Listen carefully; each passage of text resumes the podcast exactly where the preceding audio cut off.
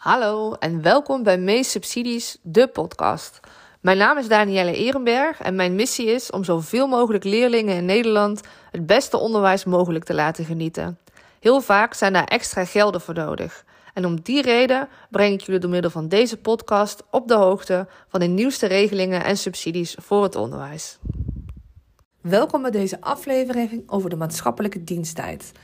Maatschappelijke diensttijd zijn trajecten voor jongeren tussen de 12 en 30 jaar, waarin ze hun talenten ontdekken of versterken, anderen ontmoeten en zich inzetten voor de samenleving.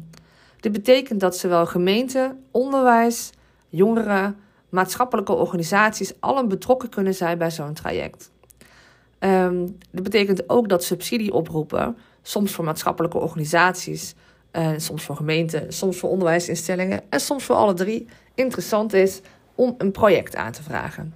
In dit geval kunnen ze alle drie een project aanvragen of een project bij ZonMW. Bij dit project uh, worden er trajecten opgezet van minimaal 30 en maximaal 50 uur, wat aan een MDT-traject wordt besteed over een periode van drie maanden. Je mag maximaal 16 weken over het project doen. Wat doe je dan in die resterende tijd? Nou, dan ga je jongeren werven. Want het is wel de bedoeling dat jongeren vrijwillig dit traject gaan doorlopen. Het is niet zo dat je ze kan verplichten en uh, ze moeten het traject ook afmaken.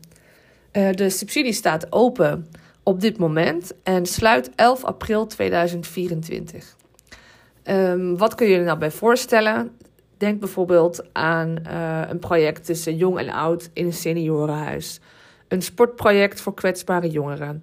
Uh, denk bijvoorbeeld aan uh, jongeren die samen een denkteam vormen om een oplossing te komen, tot een oplossing te komen over klimaatverandering, sociale ongelijkheid. Jongeren die een denktank vormen en een advies gaan uitbrengen over hoe je mentaal gezond blijft. Dat is sinds corona ook echt wel een hot topic. Denk voor gemeenten bijvoorbeeld wat MDT wel niet kan betekenen voor de kinderen in je regio. Dus wat, wat zie je nu eigenlijk? Wat is nu aan de hand bij de jongeren op straat, maar ook bij de jongeren die juist niet op straat komen? Wat kun je doen? Want via deze weg kun je preventieactiviteiten opzetten. Nou, het kan natuurlijk ook zijn dat onderwijsinstellingen, daar is deze podcast ook voor, um, uh, een traject gaan opzetten voor hun eigen scholieren. Uh, je kunt een uh, verrijking van LOB denken, maar je kunt ook aan verrijking van burgerschap denken. Uh, kijk naar de jongeren die dreigen uit te vallen, dat die een traject voor MDT gaan doen, maar heel even uit de onderwijssituatie op de rails gezet te worden.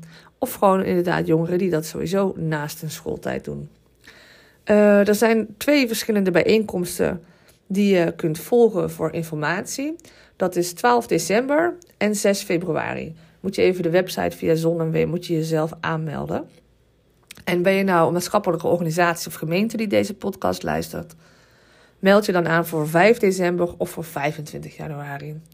Op een gegeven moment denk je misschien: oké, dat is leuk, al die korte trajecten. Maar ik wil gewoon een lang traject. Ik wil een groot traject op gaan zetten. Nou, dan moet je toch eerst even dit korte traject doen. En als dit helemaal goed verloopt, dan kun je ook een mogelijkheid krijgen om een regulier MDT-project op te zetten. Het is dus zeker interessant om nu al te starten. En dan kun je later doorgaan naar een groter project. Dus zie het als een pilot, leer ervan en kijk wat je nodig hebt om het groter uit te rollen. Zodat je nog meer jongeren kunt helpen en onze maatschappij kunt versterken. Dat we nu echt naar elkaar gaan kijken.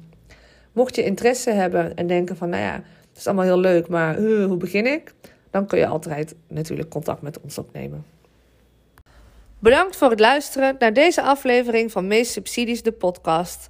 Als je nu zelf een regeling hebt die je graag uitgelegd wil hebben, stuur me dan even een berichtje, dan maak ik daar ook een aflevering van. Voor nu een hele fijne dag gewenst en ik zie je graag een volgende keer. Je kan je abonneren op deze podcast, zodat jij ook op de hoogte blijft van alle relevante regelingen en subsidies voor jou en je organisatie.